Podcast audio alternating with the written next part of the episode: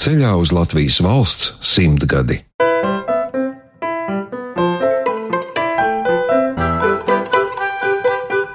Talantu galerija Radošu personību portreti Latvijas Radio 1. Rainis man tā pats no sevis kļuva par atskaites sistēmu ne tikai manā tiešajā darbā, pētniecībā, bet arī arī man pašai, manā privātajā dzīvē. Romāniem reizēm beigās pieraksta vietu un laiku, kad un kur tie tapuši, nu, piemēram, Rīga, Cīrihi, Rīga. Reizēm tas ir ļoti svarīgi. Šim raidījumam vienam no iespējamiem stāstiem par literatūras zinātnieci Raiņu un Aspazīs pētnieci Gundegu Grīnumu ir ļoti svarīgs tapšanas laiks un vieta. Kastaņola, Šveice, 2018. gada jūnijas, kad Lugano arhīvā atklāja ekspozīciju Rainim un Aspazijai, un tad Rīga un Talsi. Kastaņolā un Rīgā ar Gundegu Grīnumu tikos es, Ingilda Strautmane.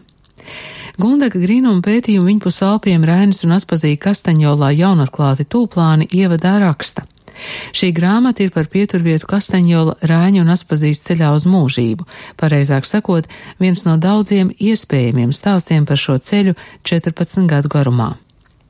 Bet Rāņa pētniecība ir sākusies it kā nejauši. Kāļa kundziņa aicināta 20-gadīgā Gundaga Grīnuma iesaistās Rāņa rakstu sagatavošanā. Savukārt literatūras mīlestība nāk no mammas, kura bija latviešu valodas un literatūras skolotāja. Stāsta viena no skolotājas Grīnuma audzēknēm Gundagas draudzene filoloģe Zaiga Lastenberga. Nu, tas varēja būt kādā 4. un 5. klasē kad mūs abus uzaicināja darboties Tāls rajona pionieru štābā. Gundaga bija viena klasa zemāka par mani. Viņas mamma bija man latviešu valodas skolotāja. Un bija laba skolotāja. Viņa bija izcila skolotāja. Ar šodienas mērauklu skatoties, varbūt teikt, ka viņa bija pārāk šerpa. Viņa neglaudīja pa spalvai, bet ar viņas iemācīto, ar to bagāžu, Es izdzīvoju visu vidusskolu, arī augstskolā ļoti lielā mērā. Un tad, kad es strādāju skolā, es pat saviem bērniem atsevišķas lietas mācīju tā, kā mums to bija mācījis skolotāja Grīnuma. Viņa katru jauno gadu viņa iestudēja ludziņu, un ne jau šādu tādu viencēlienu pauku un šmauku mēs spēlējām. Sniegbaltītas skolu, kā zaķi pīrāgus sargāja, nu visas tās bērnu ludziņas, un ņēma tā pamatīgi. Visos svētkos mums bija montāžas, toreiz bija modē tādas, tagadējie bērni jau neko tādu nezina. Bet man šķiet, ka tas bija tas, kas arī mūsos radīja interesi lielāku, un turklāt arī iemācīja nebaidīties un uzstāties publikas priekšā. Man liekas, ka viņu raksturo mērķtiecība. Tas varbūt nāk arī no sporta, ar ko viņi nodarbojas jau kopš skolas gadiem. Nu, tāds pētniecis azarts, kolosāls darba spējas, man šķiet brīžiem līdz spēka izsīkumam, bet viņi to neņem galvā. Un talants, noteikti talants. Jo tagad jaunāko grāmatu lasot to, nu, nu labi, jā, nu Gundagas grāmatu, nu man jāizlasa, nu kaut, nu, nu tā kā pienākumu pēc. Es tā aizrāvos.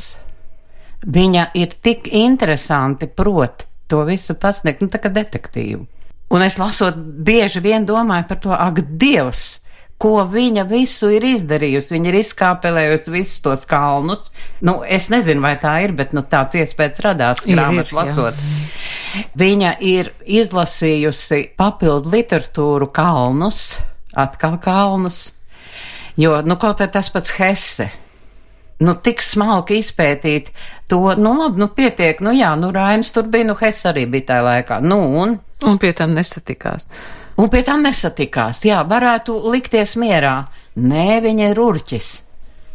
Viņai viss ir jāuzzina, viss ir jā, tā tāpat kā iepriekšējā grāmata par piemiņas paradoksi, par to, kā dažādi cilvēki, gan no latviešu trimdas, gan no padomu Latvijas.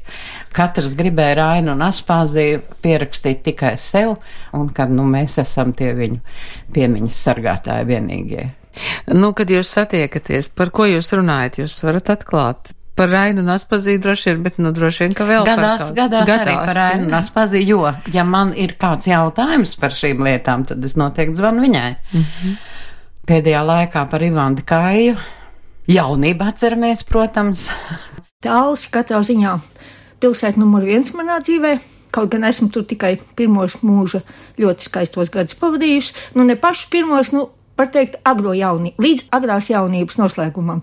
Kad sāku studēt Rīgā, man bija toreiz 17. Nu, tāls bērnība, nu, mēs jau visi kaut kādā veidā savu bērnību esam saistīti, bet man ir īpaši laimējies, jo piedzimt tālsos tā ir Dieva dāvana gandrīz vai. Nu, ne tikai tādēļ, ka tur tur brīnišķīgi deviņi pakalni, fantastiska ainava, esmu izkāpļājis visus kalnus un no visiem skatu punktiem savus tālus izbaudījis, sevišķi tagad, kad esmu Rīgā jau kur tie laiki. Bet ne jau tas vien. Ļoti brīnišķīgs skolas laiks, padomju laiks, bet vienalga ļoti bagāts, piesātināts ar daudzām labām lietām. Mēs bijām tādi žipti bērni, kas patiesībā tausos, kā parādījies kaut kas jauns, jebkurā nozarē, vai tas bija sports, vai pašdarbība, vai, vai, vai nu, sabiedriskā dzīvē, nu kas vispār to laiku padomu laikos. Man vajadzētu teikt, cik tie bija pēlēki, neinteresanti, garlaicīgi. No, no man skatu punkta, pametot aci atpakaļ, pavisam tā nebija. Varbūt tādēļ, ka tā bija pilsētiņa, kurai vispār raksturīgi bija tā diezgan, diezgan dzīva, dzīve, dažāda veida aktivitāšu summa, varētu teikt, un arī pionieru organizācijas sakarā. Mūsu tausu rajona pionieru štābs un laikraksts tāls pionieris, kura redaktorai man bija tas gods būt no 3. līdz 8. klasē. Tātad tā ir tā pirmā literārā pieredze. kļuva par vēstures izpētes objektu šogad un mūsdienu pētniekiem iespējams nācās secināt, ka šie štābiņa pionieri bija aktīvi cilvēki, kuriem interesē viss jaunais. Vākt makulatūras, iet lobarības slotiņus, iet pārgājienos, viss bija aizraujoši. Savukārt padomu ideoloģija esot nolījusi kā pīlei ūdens. Stāsta laikraksta talsu vēstis galvenais redaktors Edgars Juhņēvičs. Gundaga Grīnum ir ārkārtīgi interesanta personība.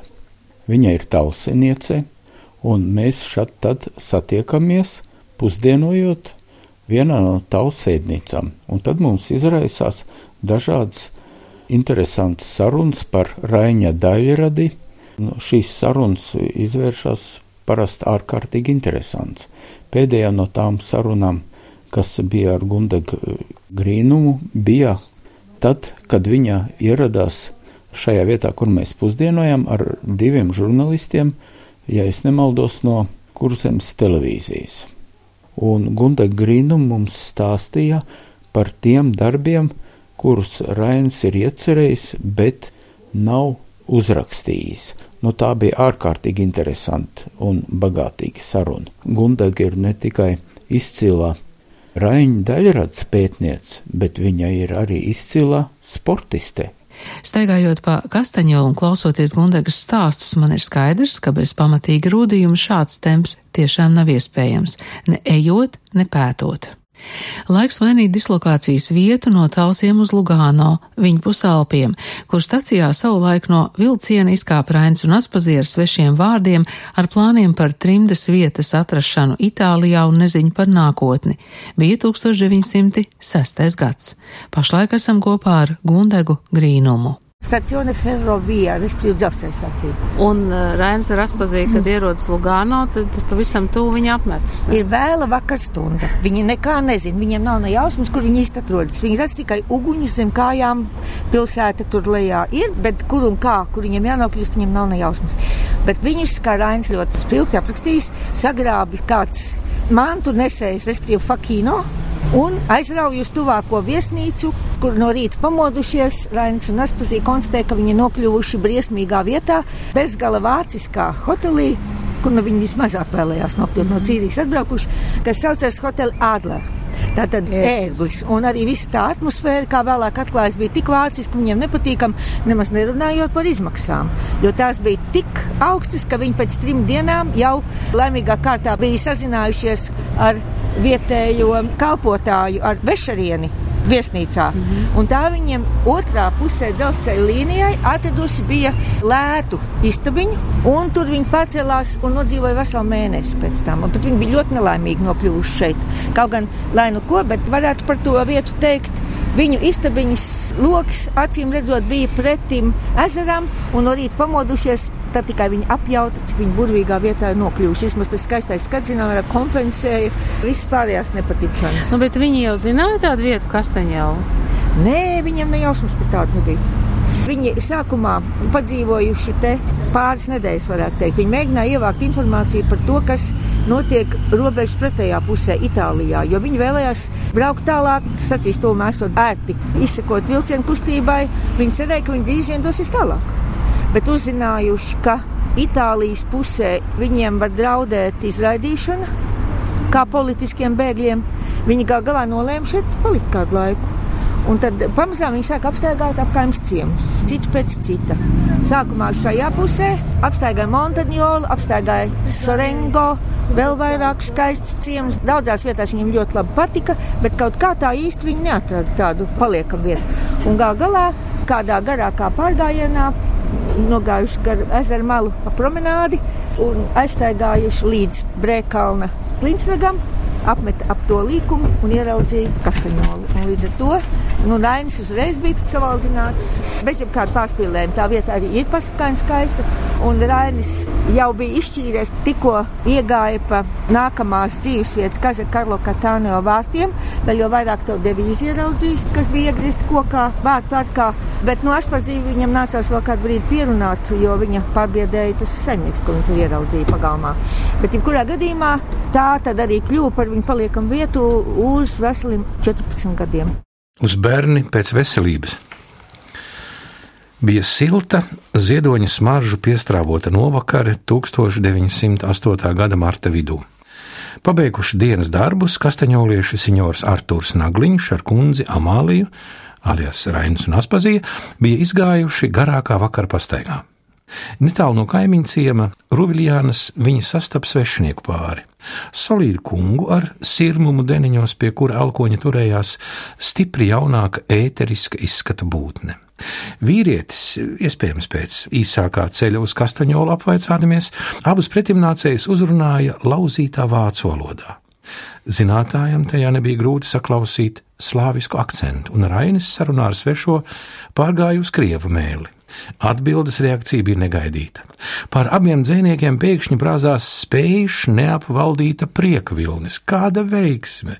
Tātad savējie, krievu cilvēki, atļaujiet stādīties priekšā aptiekārs Reiževskis no Odesas ar laulāto draudzeni Jefraziņu Ļvovnu.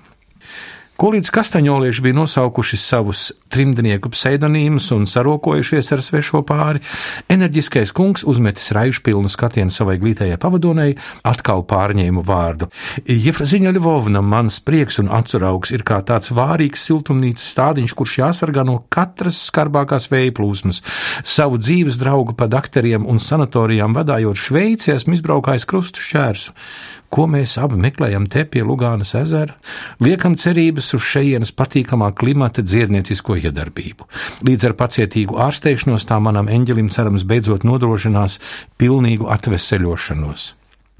Ak, godātais nagliņu pāris Arturs Petrovičs un Amālija Petrovna arī šeit apmetušies ārstnieciskos nolūkos, sastopoties ar svešiniekiem, dzēnieki piesardzības labad, protams, nemēdz atklāt patieso iemeslu, kādēļ viņi uzturējās Šveicē un dzīvo Kastaņolā Morandotī pansijā. Brīnišķīga kaimiņu būšana. Viņi, Reiževski, mitinoties turpat līdzās Viestinca Hotel Müller. Un tā taču turpmāk visi četrotni, kā jau savieši, varēšot tikties un kopā pavadīt laiku ikdienas. Varbūt cienījamā Amālija Petrovna, acīm redzot cilvēks ar bagātīgu dzīves pieredzi, eh, pat neatteikšoties paņem zem savas pārna Jefrasiņu Ļuvovnu, kuru taču esot vēl tīrais bērns un neprotot pati par sevi pienācīgi parūpēties. Viņi taču te svešumā tik ļoti ilgojoties pēc vecākas un pieredzējušākas sievietes, protams, pirmām kārtām pēc Krievas sievietes sabiedrības. Ak, kas tā būtu par laimi, ja abas sadraudz draudzētos. Sakiet, un, dargā, nu, ko lai saka? Nu, laikam jau ar to darbu pētniecisko ir tā. Vai nu tev ir tāds izskats, vai tās nav? Man kaut kā nekad nav licies, ka kaut ko drīkst neizdarīt, ja tev dod kādu darbu uzdevumu. Sākumā tas bija vēl laboranta līmenī, ka nevar neizlasīt rokrakstu, pat ja tas ir raiņa sarežģītajā rakstā, ka nu, tas nu, nav normāli, ja tu pēkšņi paskaties, tev grūti, tu noliec malā un tad neturpini Un nezinu, vai tā ir audzināšana, vai tas ir kaut kas cits, vai temperaments vienkārši, vai, vai viss kopā. Nu, man kaut kā tā vienmēr licies, ka ja tur es kaut ko sācis, tad jāizdara vienkārši. Es telepojos ar to vienkārši tā ir daba. Jūs sakāt rūdījums fiziskais. Es domāju, ka lielā mērā uz gribas faktoru rēķinu šobrīd varētu izskatīties tas tā, ka es esmu joprojām nepiedodami kustīgu žirktu un uzvedos neatbilstoši savam vecumam. Bet nu temperaments un pētniecība tās ir um, savienojamas lietas, vai tomēr pētniecībā tas temperaments ir drusku jāapvalda un tā pacietība jāieslēdz? Nu, pacietība ir vajadzīga milzīga. Bet man tā nav bijis nekad problēma. Man ir ļoti paticis arī darīt dažādas prozaiskas, varētu teikt, tādas ikdienišķas laboranta tipa darbus, jo es domāju, ka ar tiem viss sākas. Ja nav tās atdevis šādās lietās, tad cerēt, ka tu būsi kaut kas ļoti īpašs kaut kādā citā izpausmē, ka tu tagad staties ar kādām jaunām, jauniem milzīgiem atklājumiem, jaunām koncepcijām, jaunām paradigmām. Nu, nezinu. Es katrā ziņā esmu vienmēr uzskatījis, ka šis melnais darbs, šis darbs arhīvā ar dokumentiem, rokrakstiem, ar visu, ko autors ir rakstījis, atstājis aiz sevis, un, protams, arī apgūstot to milzīgo literatūras kopumu ap viņu, arī to, kas jau ir uzrakstīts un izpētīts, no tā jau tikai kaut ko var sākt. Bet, eh, kā man teica jau pieminētais cienījamais Kārlis Kundziņš, pētnieks no jauna cilvēka var izveidoties tad, ja viņš tajā materiālā redz problēmas. Tad es ilgi domāju, kad tad es sāku tās problēmas redzēt tajā. Uh, un kad tas notika? Nu, es nezinu, tas kaut kā, tas laikam kaut kā tā nebija. Man gandrīz vai ne ar atzīties, bet tās problēmas es redzu un atrodu joprojām, un tas ir pilnīgi skaidrs, ka veidojot datu bāzi, pamazām savu privāto datu bāzi Rāņu un Aspazīs pētniecībā, un ap to audzējot arī daudz ko citu, nu visu, ko es daru, par ko domāju, ko lasu, ko redzu, nu ir pārāk plašs izvērsums droši vien bet kas tomēr ap kaut kādu tādu kopsaucēju vienmēr noturas. Rainis man tā pats no sevis kļuva par atskaites sistēmu ne tikai manā tiešajā darbā, pētniecībā, bet arī man pašai, manā privātajā dzīvē.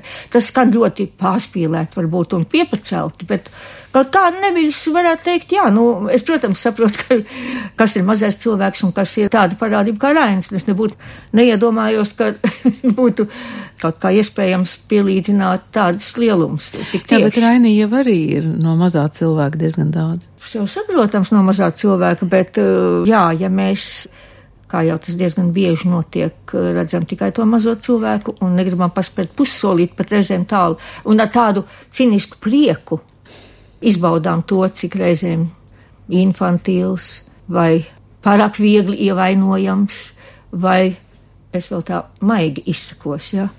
Varbūt kādas pavisam tādas īpašības, par kurām tā viegli izteikties, piezīmēt, man to negribas darīt. Ja par to vien, tad tādi jau esam mēs visi. Bet tieši ar to, ka, lūk, ir viena parādība mūsu kultūrā, es neko negribu pārspīlēt, es nebūtu neuzskatu, ka karāņas, lūk, mums tāds vienīgais, kaut gan tomēr ļoti īpašs. Viņam tomēr izdevies kļūt, kā mans cienījamais kolēģis Rolands Dobrovenskis saka, par mūsu identifikācijas zīmi. Gribam vai negribam, pat tā tas atkal ir noticis, ka ap Raiņu un Aspazijas 150. jubilejas laiku tomēr tas pierādījās. Kaut gan es nebūtu, negribu apgalvot, ka viss, kas notika ap šo jubileju, bija pozitīvi un ka tur, tā sakot, pietiekami varbūt nopietnā un izprasīgā mērā mēs no jauna reanimējām. Šķiet, jā, ja? bet tas, ka tika dots atkal tāds impulss un ka tā interese tika reanimēta, es pat teiktu, tik stipru vārdu Jā, un ka ļoti daudz arī citu nozaru radoši cilvēki saskarsmē Raini atklāja ne tikai Raini vien, bet arī kaut ko paši sevī. Un jā, kādēļ ne identifikācijas zīme? Un tad jau vēl šis salikums Rainis un Aspazijā ārkārtīgi interesantais. Man jau te arī vienmēr es skatos visādās paralēlās un analoģijās vai atkal tieši pretēji. Tagad Te šovasar es diezgan daudz atkal ar citiem lieliem tādiem radošu ļaužu pāriem nodarbojoties. Es atkal varbūt iegūstu kādu citu skatu punktu jaunu. Un man pilnīgi skaidrs, ka ja nu kaut kas ir ārkārtīgi svarīgs un nepieciešams mūsu kultūras apritē, tad tā būtu ļoti pamatīgi izstrādāta monogrāfija par viņiem abiem, gan viņu visa pilna spektra garīgajās, gan arī emocionālajās, psiholoģiskajās pašizpausmēs.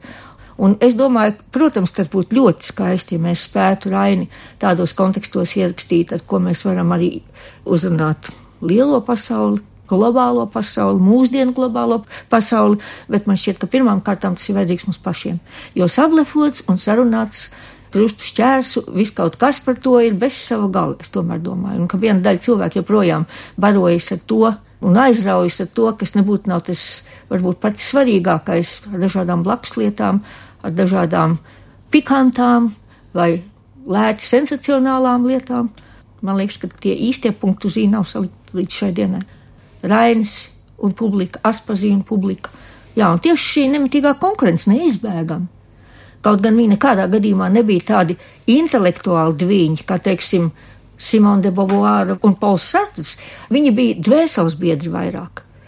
Intelektuāli atpazīti no nu, dažādiem iemeslu dēļ, objektīviem iemeslu dēļ, ar savu izaisu pozīciju izglītībā, viņiem trūkst tomēr akadēmiskas izglītības, bet viņā atkal bija citas vērtības citas stiprās puses, no kā arī Rainis ļoti daudz ko ieguva. Šī viņas ārkārtīgi tā romantiskā jūsma, emocionalitāte. Es negribu teikt, ka Rainam arī nepiemīt šādas īpašības, bet tas viss savstarpējā sazobē pēc savienoto trauku principa līdzās esot, ja? Es domāju, ka tā jau ir nebeidzama bagātināšanās un pilnveidošanās savstarpēji. Domus mea, domus pacis et verai libertatis vajadzētu būt vēl arī est. Ja? Uh, bet nu, mēs tur druscītiņi tā kā brīvāk pārtulkojām. Šis nams ir miera un īsts brīvības nams. Un, ja tāda devīze varēja būt kāda nama vārtos, tad saprotams, ka Raņam gribējās redzēt, kas tur aiz tiem vārtiem īsti notiek. Un šeit, šajā pagalmiņā, tad nu, notika pavisam dīvainas lietas, jo šeit viņi sastapās ar to pārčeku ar šo eksotisko būtni, kas bija būtībā nevis vietējais tičīnietis, bet gan ienācējs no Itālijas puses, no Milānas apkaimes vai no pašas Milānas, tas nav īsti zināms. Un te viņi, viņi ieraudzīja ap divu ar aspazīju tādu nospiķotās uh, olīvu eļļu labi iesveidītās biksēs un, un vestē un ar kravatu uz kaila kakla, kā Rains to apraksta. Es domāju, ka tādu ainu viņš nevarēja neaprakstīt precīzi, ja. Tas jau nebija nekas pārsteidzošs, jo šis cilvēks vispār bija, viņš bija liels dīvains, bet man liekas, te arī tie pārējie to laika zemnieki nebija sevišķi izvēlīgi garderobu ziņā, bet jebkurā gadījumā viņa koptēlā bija kaut kas tāds tik, tik no vienas puses piesaistošs. Aspazīs acīs atkal atgrūdošs. Tur viņiem uzreiz radās tā kontroversālā attieksme abiem diviem pret šo kundziņu. Bet uh, viņš Raini apbūra tomēr gal galā ar to vien, kā viņš izturējās, kā viņš runāja, kā viņš viņus mēģināja ievilināt tajā savā viesnīciņā ar izēlējumām istabām. Nu, katrā ziņā viņš bija eksots vispārākā pakāpē. Mm -hmm. Un vēlāk arī pierādījās, ka tajās sarunās, kurās Rains ar viņu pamazītiņām ielaidās ar vien ciešāk, kad sāk valodu jau tīri labi jau prast. Tad nu, tur atklājās visādas jautras brīnumainas lietas saziņā ar šo, šo ļoti, ļoti saudabīgo cilvēku bērnu. Tad cik viņi ilgi te dzīvoja? Viņi te nodzīvoja divus gadus, un acīm redzot, tas konflikts tomēr izraisījās, agrāk vēl tā laikam tam bija jānotiek. Man nav īsti izdevies izdibināt uh, to pamatu iemeslu, kādēļ viņi aizgāja no šejienes. Konflikts bija ļoti nopietns, un katrā ziņā, manuprāt, galvenā vaininiece tur bija Aspazīja, kur laikam bija kāds skarbāku vārdu pateikusi Pačakam, un Pačaks arī bija viegli aizvainojums. Patiesībā sakot, nebija jau ko brīnīties, ka viņai tas bija ļoti grūti, jo viņš neizcēlās ne ar sevišķi augstām prasībām higienas ziņā, ne ar sevišķi korektīvu pret saviem īrniekiem, nerunājot jau vispār par viņu galveno aizraušanos krāpniecību, ko viņš īstenoja visos virzienos, un, un kaut arī viņš bija ļoti, kā, kā sakot, ieskatījis šo pāri kur tik ilgi pie viņa gal galā nodzīvoja, kā neviens te laika, jo pārējie īrnieki jau nāca un gāja, bet eh, viņš tomēr laikam nevarēja pieciest kādu aspazīs diezgan tādu laikam niknu. Kā mēs teiktu, tautā uzbraucienu, ja? par ko nav zināms. Ko jūs ģimene par visu to saka? Nu, ģimenē jau nu nevar man īpaši laimējies. Pilnīgi nopietni to es skaidri apzinos. Nu, jā, bērniem vienmēr licies, ka varbūt, ka es par maz, par maz, par maz esmu. Varbūt ar viņiem tīri tā uz paklāja paspēlējusies klucīšiem kopā. Cik es esmu spējusi, tik es esmu viņus, jā, tomēr mēģinājusi ievirzīt savu interešu sfērā. Atceros, ka manam dēliņam bija kādi pieci gadi, kad es rakstīju par Aleksandru Lielo, jeb Maķedonijas Aleksandru un Rainu. Tad es viņam izstāstīju visas tās vēsturiskās anekdotas un tos skaistos stāstus par šo brīnišķīgo vēsturisko parādību, ko Rainis savā laikā par savu gandrīz vai vienu no ideāliem vēstures varoņiem izvēlējās un gribēja uzrakstīt milzīgu lielu lūgu.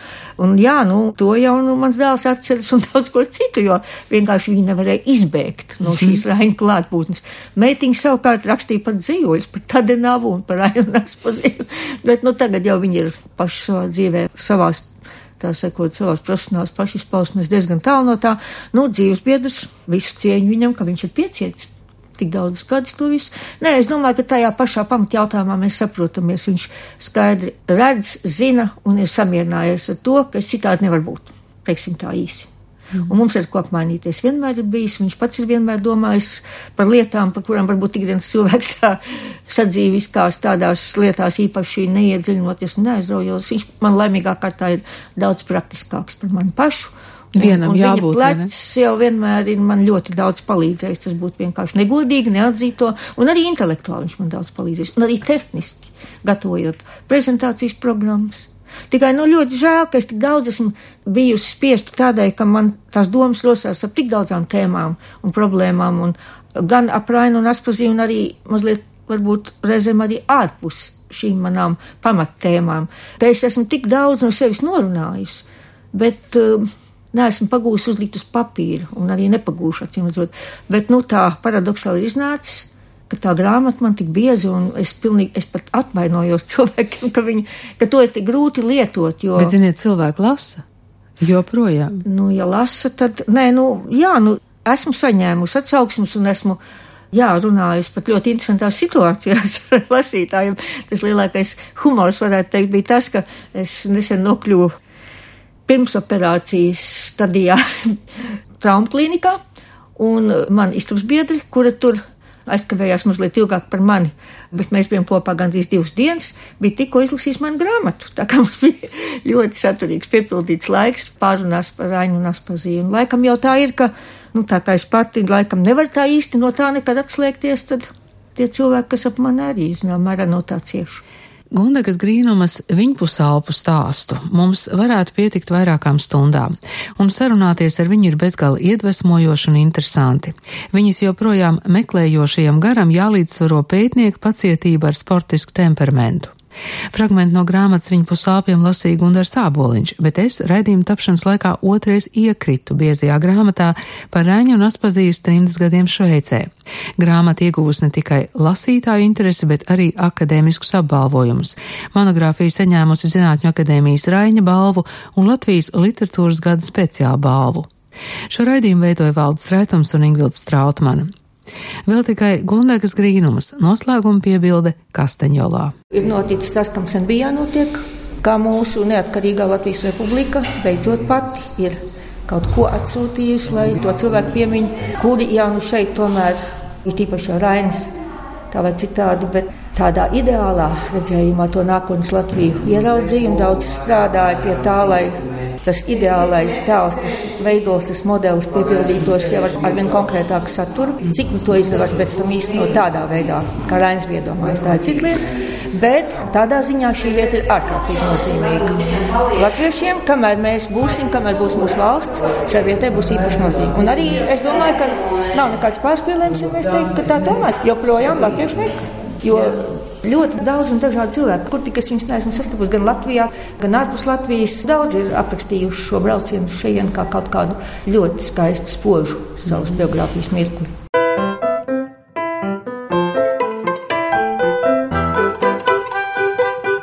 Talantu galerija Radošu personību portreti Latvijas Radio 1 Izskanēja Latvijas valsts simtgades programmas raidījums.